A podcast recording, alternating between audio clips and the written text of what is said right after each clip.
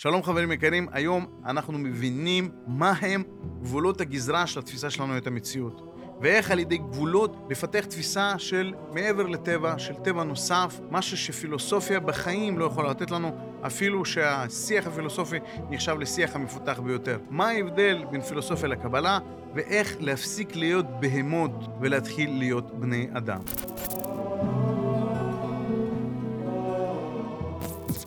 מאמר נ"ה, החומר והצורה בחוכמת הקבלה, מאמר ב'. מאמר הזה חדש, שלא נתגלה קודם, או לא התפרסם קודם ברבים, ואנחנו עכשיו נזכה ללמוד אותו. למדנו החומר והצורה בחוכמת הקבלה א', ששם בעל הסולם מעין אה, פתח את הנושא והסביר שיש כזה דבר, השכלה חומרית, השכלה צורתית, מה ההבדל ביניהם ואיך זה מצוי בחוכמות העולם, ואיך זה מצוי בחוכמת הקבלה ומה ההבדל העיקרי. ושם זה נגמר. ופה כותבים לנו האורחים, מאמר זה לא הודפס על ידי רבנו, אלא נותר בכתב יד קודשו. והוא מתחיל ככה, כותרת פנימית של בעל הסולם, מהו הרוחני. הנה, עמל גדול פיזרה הפילוסופיה כדי להוכיח איך הגשמיות הוא ילוד הרוחני, ואיך הנפש מולדת את הגוף. ואחר כל אלה, אין דבריהם מתקבלים על הלב, ולא כלום. ועיקר טעותם הייתה בתפיסה רוחנית, שמצד אחד נתנו לה מתחילה הגדרה שלילית מכל דרכי הגשמיות, ומצד שני, אומרים שהולידה והוציאה את הגשמיות, שזוהי ודאי בדותה. כי כל אב צריך שיהיה לו איזה דמיון אל התולדה שלו, אשר היחס הזה הוא האורח והשביל שתולדתו נמשכת דרך שם. וכן, כל פועל צריך שיהיה לו איזה יחס עם הפעולה שלו, אשר יבוא עימה במגע דרך שם. וכיוון שאתה אומר שהרוחניות משוללת מכל המקרים שבגשמיות, אם כן, אין לה שום שביל ואיזה יחס שהרוחני יוכל לבוא עימה במגע ולהניעה באפס מה. אולם הבנתם של מילה רוחניות אינה שייכת לפילוסופיה כלל. כי איך ידונו על דבר שלא ראו ולא הכישו, חשו, אותו מעולמיהם, ועל מה אדניהם הוטבעו? אלא, אם יש איזו הגדרה להבדיל ולחלק בין רוחני לגשמי, אין זה שייך אלא רק למי שהשיגו פעם דבר רוחני והכישו אותו, שהם ההם המקובלים האמיתיים, ולפיכך לחוכמת הקבלה אנו צריכים.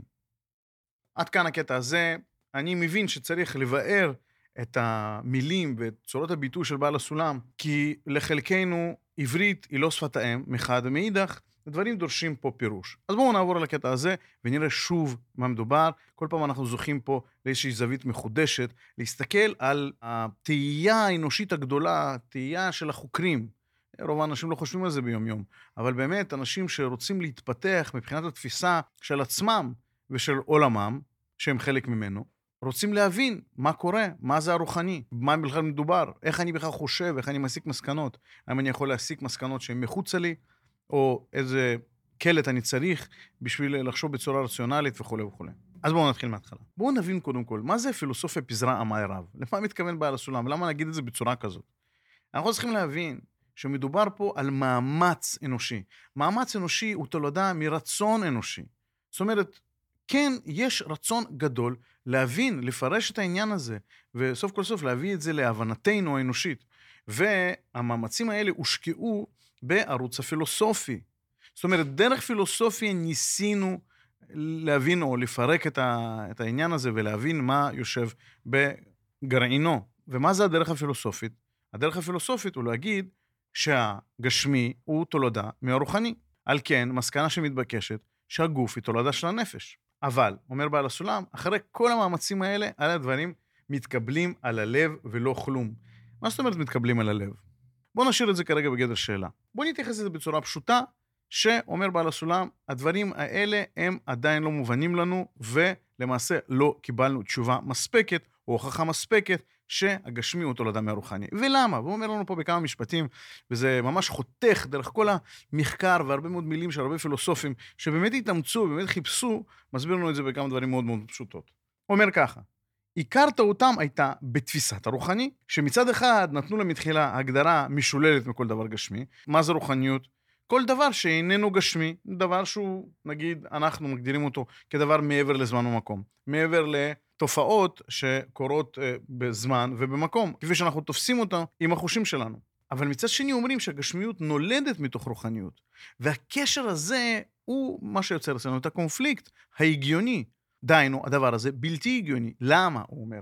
הוא נותן פה שני טעמים שלמעשה הם חלק מאותו דבר. הוא אומר כי כל אב צריך שיהיה לו איזה דמיון אל התולדה שלו. כדי שיהיה קשר בין הגשמי לרוחני, צריך שגשמי יכיל בתוכו משהו רוחני, והרוחני יכיל בתוכו משהו גשמי. אבל כבר אמרנו שהגדרת הרוחניות בפילוסופיה שהיא משוללת מגשמיות. אין בה שום דבר גשמי. על כן, היא נקראת רוחניות, על כן יש לה שם חדש. יותר מזה אומר בעל הסולם, בשביל הקשר, כל פועל צריך שיהיה לו איזה יחס עם הפעולה שלו, אשר יבוא עימה במגע דרך שם. זאת אומרת, אני רוצה לפעול איזושהי פעולה, יש איזושהי דרכי פעולה, הדרכים האלה שמאפשרות לי לפעול את הפעולה. הוא מסביר שהיחס בין אב לבנו הוא הדרך והשביל שהתולדה הזאת נמשכת דרך שם. זאת אומרת, צריך להיות איזשהו נתיב או איזשהו, איזושהי דרך שמחברת בין הרוחני לגשמי. במילים אחרות, צריך להיות קשר בין הרוחני לגשמי, כדי שהגשמי יוכל להיוולד מהרוחני. אבל ההגדרה של הפילוסופיה לא מאפשרת את זה, כי למעשה, כיוון שאתה אומר שהרוחניות משוללת מכל המקרים שבגשמיות, אם כן, אין לה שום שביל או איזשהו יחס שהרוחני יוכל לבוא עמה במגע, להניע באפס מה. איך הרוחניות משפיעה על הגשמיות? איך הנפש, או הנשמה, במקרה הזה, הכוונה לנשמה, מניעה את הגוף? זה רוחני וזה גשמי. איך יכול להיות? אין ביניהם שום קשר. כי בשביל שיהיה קשר, יהיה מקום משותף, צריך שלגשמי יהיה מעט מהרוחני, ושלרוחני יהיה מעט מהגשמי. ואין כזה דבר. אין כזה דבר לפחות לפי ההגדרה של הפילוסופיה. ואם אנחנו נחשוב שבאמת רוחני הוא דבר אחד וגשמי הוא דבר אחר לגמרי, והם דברים שונים ורחוקים זה מזה, אז גם אנחנו מסכימים שאין ביניהם קשר. ממשיך ואומר שההבנה של המילה רוחניות לא שייכת בכלל לפילוסופיה. זאת אומרת, פילוסופיה היא לא יכולה להגדיר את הרוחניות. אין לה כוח ההגדרה לרוחניות. למה? כי כדי להגדיר את הדבר הזה, כמו שאמרנו במאמרים קודמים, לא נגדיר ולא נכנה בשם משהו שלא השגנו. כי איך ידונו על דבר מה שלא ראו ולא חשו לעולם? הם לא חשו, הם לא ראו את הרוחניות? הוא אומר שלא. אז אם לא, איך בעצם בנו את העיונים שלהם, את המערכים הלוגיים שלהם, על איזשהו מושג, על איזשהו ודאי שאין להם שום השגה בו, שהוא בכלל לא ודאי לגביהם. מביאים פה האורחים, מתוך מאמר צדי ט', והנה השגת הנפש דומה להשגת כל דבר רוחני, שמופלגה מצורות הגשמיות, בזה שלא תושג כלל בדרך איברין וחלקים. כי הגם שאפשר לאדם שיאמר, ראיתי מקצתו של אדם או של בית. אבל מי שיאמר, ראיתי מקצת נפש האדם, או מקצת חוכמת התורה, ודאי הוא. כי אין דבר רוחני נחלק לחלקים כמו הגשמי. וכל דבר רוחני שאינו מושג בשלמותו, אינו מושג כלל וכלל, ומי שיאמר שמשיג מקצת הרוחניות, הוא משיג דמיונות בדויים וכוזבים, ותו לא מידי. כי הרוחניות מורחקת מהאדם שווה בשווה, כמו החיות הרחוקה בטבע מן האבן הדומם. כי הטבע לא הטביע באותו אבן החיות. כמו כן, הטבע לא הטביע בכל אישי הבריאה מבחינת השגת כל דבר רוחני. ואם יקרה לאיזה נברא שישיג בחינת רוחניות, דומה ממש לנברא חדש, נעלה, מכל הנבראים, שכולם דוממים ומתים בעניין הזה, והוא חי ועומד על רגליו, ויש לו תנועה והליכה בבחינת הרוחניים. ולכן לא תושג נפש האדם זולת לבעלי התורה ומצוות, שהם הפנימיות כל הבריאה והנבראים. פה טעם לאמירה הקטנה אבל סופר משמעותית הזאת של בעל הסולם שאומר, איך יכול להיות שהם השיגו רוחניות? אין מצב שהם השיגו את הרוחניות. איך יכול להיות? מה, אנשים לא משיגים את הרוחניות? אומר לנו, לא. לא, כי זה לא נתון לאדם להשיג את הרוחניות באופן טבעי. על כן, בשביל להשיג את הרוחניות, צריכים לפתח טבע שני. והטבע הזה ניתן לפתח אותו רק בדרך אחת, דרך של תורה ומצוות. הרבה מהמאמרים בחלק הראשון של הספר הזה מסבירים איך להגיע למקום הזה, ועוד מאמרים בהמשך יגידו. בכללות נגיד, אנחנו צריכים לחשוב ולהרגיש את החיים אחרת, להבין שאנחנו פועלים בתוך מערכת ולהיות כאלה שלא מקבלים לטובת עצמם כלום, כדי להיות מסוגלים לקבל את ההטבה של הבורא לא לטובת עצמנו, לא להיות במרכז הבריאה, אלא לשים את המקום המשותף. במרכז הבריאה. וכדי לצאת מהתפיסה המאמנת אותנו, תפיסה ששמה אותנו במרכז, צריך לעבוד ממש נגד הטבע ולייצר על ידי הרגל טבע נוסף, טבע שני. איזה הרגל? הרגל למה? הרגל מחשבתי, הרגל מעשי, הרגל נפשי, דהיינו רגשי, כדי לפרוץ אל העולם הרוחני, וההרגל הזה מוסבר לנו, כל ההרגלים האלה, כל תפיסות המחשבה האלה, כל הפרדיגמות, כל הפירושים הם בתוך התורה, והמצוות מפגישות אותנו עם הטבע הזה. על כן הוא אומר, רק אנשים שחווים את המציאות בצורה הנכונה, יודעים לפרש את המציאות בצורה הנכונה, דרכי המחשבה שלהם נקיות, הם בלבד יכולים להשיג את הרוחניות, לא הפילוסופים. והפילוסופים פה הם אצלנו מוגדרים במחזה שלנו כלא כאלה שמקיימים תורה ומצוות, או על כל פנים לא אמונים על תורה ומצוות. אז הם לא יכולים, כי הם לעולם לא השיגו את הרוחניות. אז מה כן? אלא אם יש איזו הגדרה להבדיל ולחלק בין רוחני לגשמי, אין זה שייך אלא רק למי שהשיגו פעם דבר רוחני והכישו אותו. הוא אומר, אם אתה רוצה להבדיל בין דבר לדבר, אתה צריך להשיג את שני הדברים. אתה צריך לראות אותם, להחזיק אותם ביד, להחיש אותם. והוא אומר, אם אנחנו חווים רק גשמיות, אז איך אנחנו יכולים להגיד, זאת רוחניות, היא שונה מגשמיות? לא ראינו את הרוחניות, לא הרגשנו את הרוחניות, לא יודעים להבדיל ביניהם. אומר, אבל מי שראה וחש את הדברים, הוא יכול. מי הם האנשים האלה? שהם המקובלים האמיתיים. שימו לב, המקובלים האמיתיים, פה בעל הסולם מדגיש את הדבר הזה, איזושהי הבחנה שכרגע לא מפורטת לנו. והמסקנה מהחלק הזה אומרת לנו שבשביל לענות על השאלה הזאת, או להבין את ההבדל ממישהו שכן השיג על אמיתו את הדבר, לפיכך לחוכמת הקבלה אנו צריכים. חוזרים לנושא החשוב הזה, ובשביל זה בכלל אנחנו לומדים את ההשקפה הזאת בכל הספר הזה, כדי להבין שאנחנו צריכים את חוכמת הקבלה. תשימו לב, תשימו לב מה קורה בעולמנו. כמה רעש, בלבול, לחצים, דאגות, דברים שאנחנו רגילים אליהם, אולי לא נראינו לנו גדולים מדי, עד שאנחנו נושמים קצת אוויר פסגות ומבינים שאנחנו בלחץ מאיזשהו סרט שאנחנו רואים כל הזמן. ולמעשה אנחנו מייצרים משהו כמו פרות שלא עושות עשב ואחר כך הופכים אותם לחלב או לבשר. האם זה שיא של היצירה האנושית? האם לכך נועדנו? האם אנחנו איזה בהמות שמייצרות משהו שהמטחנה של העולם, אה, של הטבע המורגש, אה, דורשת מאיתנו? או שאנחנו יכולים לראות מעבר, יכולים לגעת ולהתחבר לאיזושהי מהות הרבה יותר גבוהה שיהיה האדם. כי אם לא, אז אנחנו סתם כמו כל החיות, כמו כל הבהמות. אבל משהו בפנים אומר לא, לא ככה דבר. אני רוצה לחפש, יש לי איזושהי זהות אחרת. ולשם כך אנחנו צריכים את חוכמת הקבלה. שתסביר לנו את העיקר והטפל, שתחבר אותנו אל הדבר הזה. שתסביר לנו מה זה הרוחני. כי יש אנשים שהשיגו, יש אנשים שהיו שם וראו את הדברים האלה. גם עם זה היא מפגישה אותנו. וכמו שאמרנו במאמרים אחרים, שאומר שעצם העיסוק והלימוד של חוכמת הקבלה מפגיש אותנו עם מציאות של הבורא. מחבר אותנו במחשבה לדברים שהם מעבר לזמן והמקום ומעבר. והמחשבה הזאת לאט לאט מנקה את ההרגשה שלנו ומייצרת הרגשה חדשה. ואנחנו חוזרים בסיבוב הזה, כי ההרגשה הזאת היא הרגשת החיים שלנו. וככה אנחנו חיים מציאות אחרת. אז הבנו לפחות בהקשר של המאמר הזה, שבשביל להבין מה זה רוחניות ולהבין מה ההבדל בינה לגשמיות, אנחנו צריכים ללמוד חומת הקבלה, כי היא מחברת אותנו לאנשים שהשיגו באמת ונותנת לנו שיטה להבין. ב', הפילוסופיה מעצמותו. והנה, בעצמותו יתברך אשר הפילוסופיה אוהבת כל כך לעסוק בו ולהוכיח את כל חוקי השלילה הנוהגים בו, אין הקבלה עוסקת בו ולא כלום. כי איך אפשר להגדיר מה בדבר שאי אפשר לבוא כלל לתפיסה והשגה? כי הגדרת השלילה אין ערכה פחותה כלל מהגדרת הקיום. כי אם תראה איזו מהות מרחוק ותכיר בו כל חלקי השלילה, דהיינו, כל מה שאיננו, הרי זה גם כן נחשב לראייה והכרה במידת מה. כי אם הוא רחוק אמיתי מן העין, אין ניכר בו אפילו השלילה. למשל, אם תראה מרחוק איזו תמונה שחורה, ותכיר בה על כל פנים שאינה אדם ואינה ציפור, הלא זה לראייה נחשבת. כי אם היה רחוק יותר, לא היית יכול להחליט אפילו שאינו אדם. ומה כל אפסותם וכל בלבוליהם?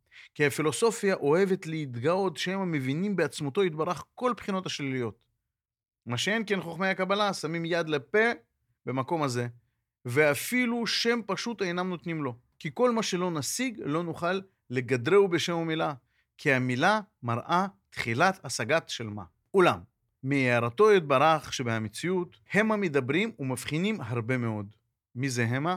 מקובלים. דהיינו, בכל אותם הערות שזכו בהם בהשגה ממש.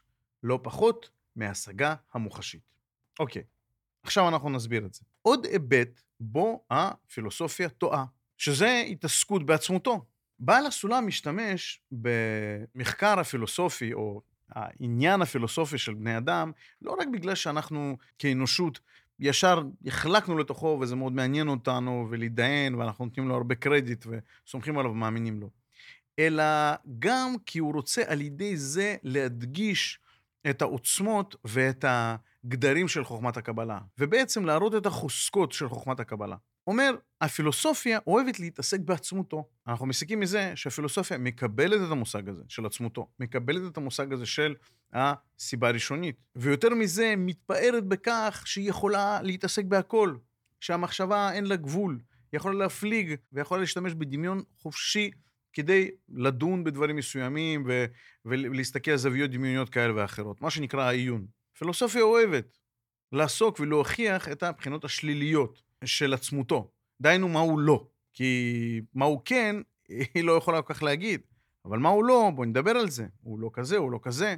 לכאורה, זאת חשיבה הגיונית סבירה. אבל, אומר לנו פה בעל הסולם וחותך, חוכמת הקבלה בכלל, בכלל, בכלל, מילה אחת על עצמותו לא אומרת. למה? מה היא חלשה? מה היא לא יודעת? כן, היא לא יודעת.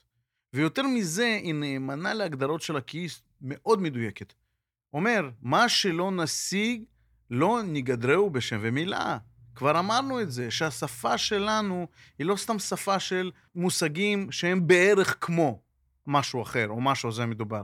היא שפה, שפת הענפים מאוד מדויקת, וכל ענף בעולם הזה, או כל מילה בעברית של המקובלים, מצביעה לאיזשהו שורש רוחני בצורה מדויקת, ומתארת אותו. על כן, מה שלא נשיג, אין לנו מילה בשבילו. ואפילו במילה פשוטה, אפילו באיזשהו כינוי, אנחנו לא מגדירים את עצמותו ולא מדברים עליו. תגידו, מה זה כל אה, שמות האלוקים וכל מיני, הקדוש ברוך הוא והבורא וזה, כל אחד מהם מתייחס לאיזשהו היבט שמושג לנו מי הבורא או מי עצמותו. ולא, על עצמותו בכלל אנחנו מדברים, לא מדברים על הסיבות שלו, לא מדברים למה הוא עושה את הדברים האלה, לא. אנחנו לא עוסקים בזה. המקובלים לא עוסקים בדברים האלה. כי יודעים שדברים האלה אי אפשר להשיג, איך אומר לנו פה? בדבר שאי אפשר לבוא כלל לתפיסה והשגה, אנחנו לא נדבר עליו. זאת חוכמה אמיתית. הוא נותן לנו פה איזושהי דוגמה, להסביר לנו למה לא בערך, למה לא לתת איזשהו שם בערך, או להגיד, בוא נתעסק במה אנחנו יודעים שהבורא הוא לא, ואז על הדברים האלה אנחנו נדבר. אומר, זה כמו שכשאתה רואה איזשהו דבר מרחוק, אתה אומר, הנקודה השחורה שאני רואה על האופק, זה לא נראה לי אדם. אומר שהזיהוי הזה הוא כבר איזושהי צורה של השגה, הוא מצביע על איזושהי צורה של השגה. כי אם אני רואה צורה, ואני רואה שהצורה הזאת היא מסוימת, והיא לא דומה לי לצורת אדם, ואני אומר, זה לא אדם, זה אומר שאני רואה משהו. ואם תרחיק עוד יותר את הדבר ממני, שאני אוכל לראות איזושהי נקודה באופק, אז אני לא אוכל להגיד שהיא דומה לכלום. והדבר הזה לא מושג לי לגמרי. והוא אומר, ככה זה עבורנו, כי כשאנחנו אומרים מה הוא לא, אנחנו חושבים שאנחנו יודעים מה הוא כן, וזאת טעות, כי אי אפשר להשיג אותו. והבלבול הזה אומר, מוריד את כל ערכה של הפילוסופיה לאפס. זה כל אפסותם ובלבוליהם. כי הפילוסופיה אוהבת להתגאות שהם מבינים בעצמותו יתברך כל הבחינות השליליות. מה שאין כן חוכמי הקבלה. חוכמי הקבלה שמים יד לפה ואומרים, לא יודעים, אל תדבר איתי, אני לא עוסק, אני לא חוקר בעצמותו. בעצמותו אני לא חוקר. כי זה ודאי בשבילי, ואת הוודאים שלי אני לא מפר. כי אם יש לי אקסיומה שמבוסס עליה כל המהלך ההגיוני שלי, אם אני עכשיו מציל ספק באקסיומה שלי, אז אין לי מהלך הגיוני. תגיד, מה זה השיטה החלשה הזאת? איזה מין דבר זה? איך אתה יכול להיות כל כך uh, רציונלי פרימיטיבי?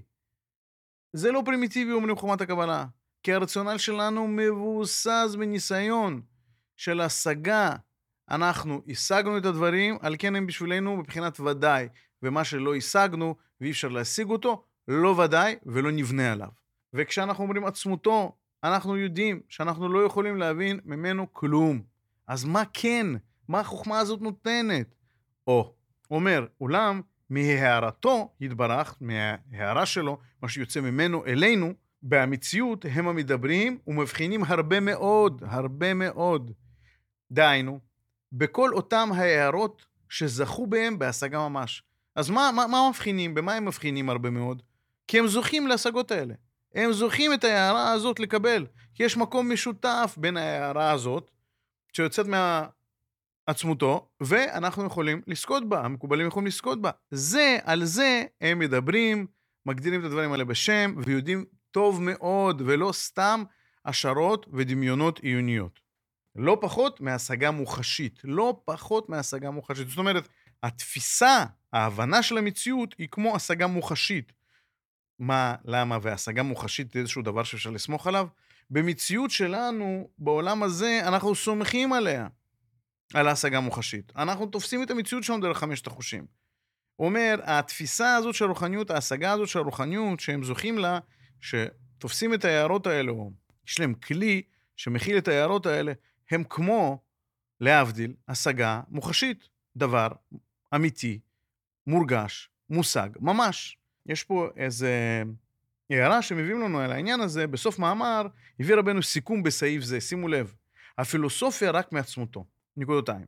המשקיף על שטחיותם של דברי המקובלים, ידמה לו לפעמים שרוח הפילוסופי מעורב בדבריהם. אכן איננו כן, אלא הפילוסופיה והקבלה הולכים על בית קווים מקבילים, שעולם לא ייפגשו יחדיו, ושום נקודה משותפת אין ביניהם. אין שום נקודה משותפת בין הפילוסופיה לקבלה, שימו לב. והוא, הפילוסופיה האלוקית, בכל מקום שמדברת, היא מדברת מעצמותו יתברך. והיפוכם, חוכמי הקבלה. בכל מקום שמדברים, הם מדברים רק מההערות היוצאות מעצמותו יתברך. ובעצמותו יתברך אין להם שום עסק ושום מילה, לא ייגעו שם וכולי וכולי, עיין שם היטב. כשלומדים את הדברים האלה ומבינים את הדברים האלה ובעצם לומדים את חוכמת הקבלה, בזוהר הקדוש, גם בתלמוד עשר ספירות, בכל מקום אחר, בתניא וכולי, מבינים שלא מדברים מעצמותו, אלא רק מהשגות, מהמקום המשותף. וכל פעם ששומעים איזשהו אה, דיסקורס, אה, איזושהי שיחה, או איזושהי הגדרה פילוסופית שמדברת בעצם על אה, טבע הבורא או טבע האלוקי, זה ישר, אתה, אתה מבין, אתה, אתה קולט את השקר באופן מיידי. וכמו שאומר בעל הסולם, אני התרחקתי מהפילוסופיה הזאת מיד, ברגע שהבנתי את הטעות שלהם. שבעצם הדברים האלה הם סתם דמיונות של אנשים שאי אפשר לסמוך עליהם. הן לא מבוססות על שום השגה, שום ניסיון אמיתי. וחוכמת הקבלה היא לא פילוסופיה, היא עוסקת בדברים מושגים, בכלים אה, איך נקרא להם? על-אנושיים שאותם אנחנו צריכים לבנות, יכולים לבנות. איך? על ידי חוכמת הקבלה, תורה ומצוות. בנוסף אומר על העניין הזה, אה, בספר הקדמות הסולם, בהקדמה לבית שער הכוונות, יש שמכנים לחוכמת הקבלה בשם חקירת אלוקיות, וזהו ודאי אמת. אמנם, חס ושלום, אין לדמות זה לחקירה הפילוסופית, שכל משא ומתן שלהם בעצמותו יתברך. אבל לא כן דרך הצדיקים והנביאים יודעי השם. כי הם לא באו לדבקות השם יתברך, זולת על ידי השגתם הנפלאה ביראת הרוממות, דלת מחשבה תפיסה בכלל. ועל ידי זה זכו לדבקות אמיתי. כמו שאמרו ז"ל, שבשכר ואסתר משה פניו, זכה לתמונת השם יביט. ולפיכך, אחר שזכו לדבקות אמיתי, לא ייתכן בהם עוד שום חקירה של משהו וגם לא יעלה כלל על ליבם לחקור מטה בעצמותו יתברך, כמו שלא יעלה על דעת האדם לחקור מה במציאות של עצמו, אלא כל מה שיחקור אדם במציאות עצמו, הוא רק בטיב המחשבות והמעשים שהוא חושב ועושה. וכל דרך הצדיקים לחקור בטיב דרכי השם, ובמעשים שעושה. בסוד הכתוב, ממעשיך יקרנוך. דהיינו, על פי יחסו עם העולמות והבריות שברא. אותו מוטיב חוזר, אבל תשימו לב כמה זה חשוב. כי הדבר הזה שזור במציאות שלנו, בקיומנו, בשכלולנו, בכל תפיסת המציאות הנכונה והאמיתית שלנו, ובהשכלה שלנו. אנחנו לא יכולים להכיר שום דבר מחוץ לנו כפי שהוא, אלא דרך המקום המשותף, אלא דרך היחס, אלא דרך איך הדבר בא איתנו במגע. ולמה זה? זה כי יש לנו מקום בבריאה. יש לנו מקום, יש לנו יחס. אין דבר נבחן מחוץ לתפיסת האדם. והיקום הזה הוא כזה רק כי אנחנו תופסים אותו כזה. ולמה? כי יש לנו תפקיד מיוחד לתפוס אותו כזה, וכולי וכולי. כי לנו יש משמעות. אנחנו מוזמנים אל המקום המשותף הזה. המקום המשותף הזה, הוא משאיר מקום לנו לבוא אליו. אחרת, לא היה צריך את המקום המשותף. היה יכול להיות דבר בפני עצמו. ויש, יש מציאות מחוץ לאדם, אבל היא לעולם לא יכולה להיות מושגת. מהי האמת על המציאות? מה אכפת לך? אומר הרב. מה אכפת לך מהי האמת? אתה לעולם לא תוכל להשיג אותה, אלא תוכל להשיג את המגע שלך עם האמת הזאת. והמגע הזה והצורה הזאת של התפיסה, היא נובעת מהפירוש שלך את המציאות, שהיא צריכה להיות על פי התפקיד שלך בבריאה, על פי הבחירה ביתר דבקות. וככה, המציאות יכולה להיות מפורשת בצורה כזאת או אחרת. על כן, לא חשוב מה הדבר בפני עצמו, אלא איך הוא בא לידי ביטוי כלפיי, איך אני יכול לתפוס אותו. ופה אומר לנו שהמקובלים מבינים את זה כלפי הבורא, ולא עוסקים בכלל בעצמותו, ורוצים להתרחק כמה שיותר מהפילוסופיה, מהתפיסה הפילוסופית. אבל זה גם מצביע על הבדל איכותי, כי אותם המקובלים כן זוכים למדרגות האלה, כן זוכים להשיג את המדרגות הרוחניות בזכות דווקא שאומרים בעצמותו אין לי מושג. אני לא יכול לדמיין לעצמי או לשרטט לעצמי איזה ישות שהיא פועלת ככה שנוח לי. כמו שאומרים הטיפשים, סלחו לי, שאדם ימציא את הבורא כדי שיהיה לו יותר קל לחיות. זה בדיוק מה שלא. הוא מעבר למציאות שלנו, על כן יעשה מה שהוא רוצה. אבל לא רק זה, אלא תופסים אותו ככלל שלהם, כגדול. על כן, אומרים, אנחנו, ביראת הרוממות שלנו, פרטים בתוך הכלל, מתבטלים כלפי הכלל, יודעים איפה אין לנו תפיסה, לא ממציאים לנו דברים, לא מחפשים איזה שהן רציונליזציות שהן אה, יקלו לנו או ייתנו לנו איזושהי מוטיבציה לנוע, כי אנחנו רואים בסוף את התוצאה שחוזרת אלינו. לא, אנחנו עושים ממנו והלאה.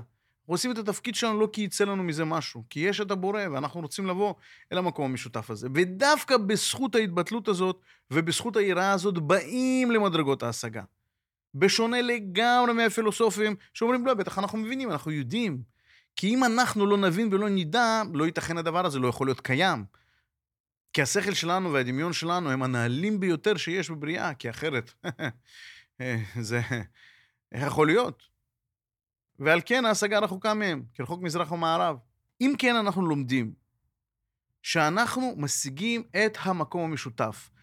אנחנו מתפעלים מהמעשים של הבורא, מאיך שההשגחה מסודרת, ממה שהתורה מספרת לנו, איך בנוי ההשפעה הזאת עלינו, ואיך אנחנו יכולים כשלבי הסולם לעלות בהשגה שלנו כלפי מעלה. והצורה הזאת מוסברת בחוכמת הקבלה. אז עכשיו הבנו את גבולות הגזרה.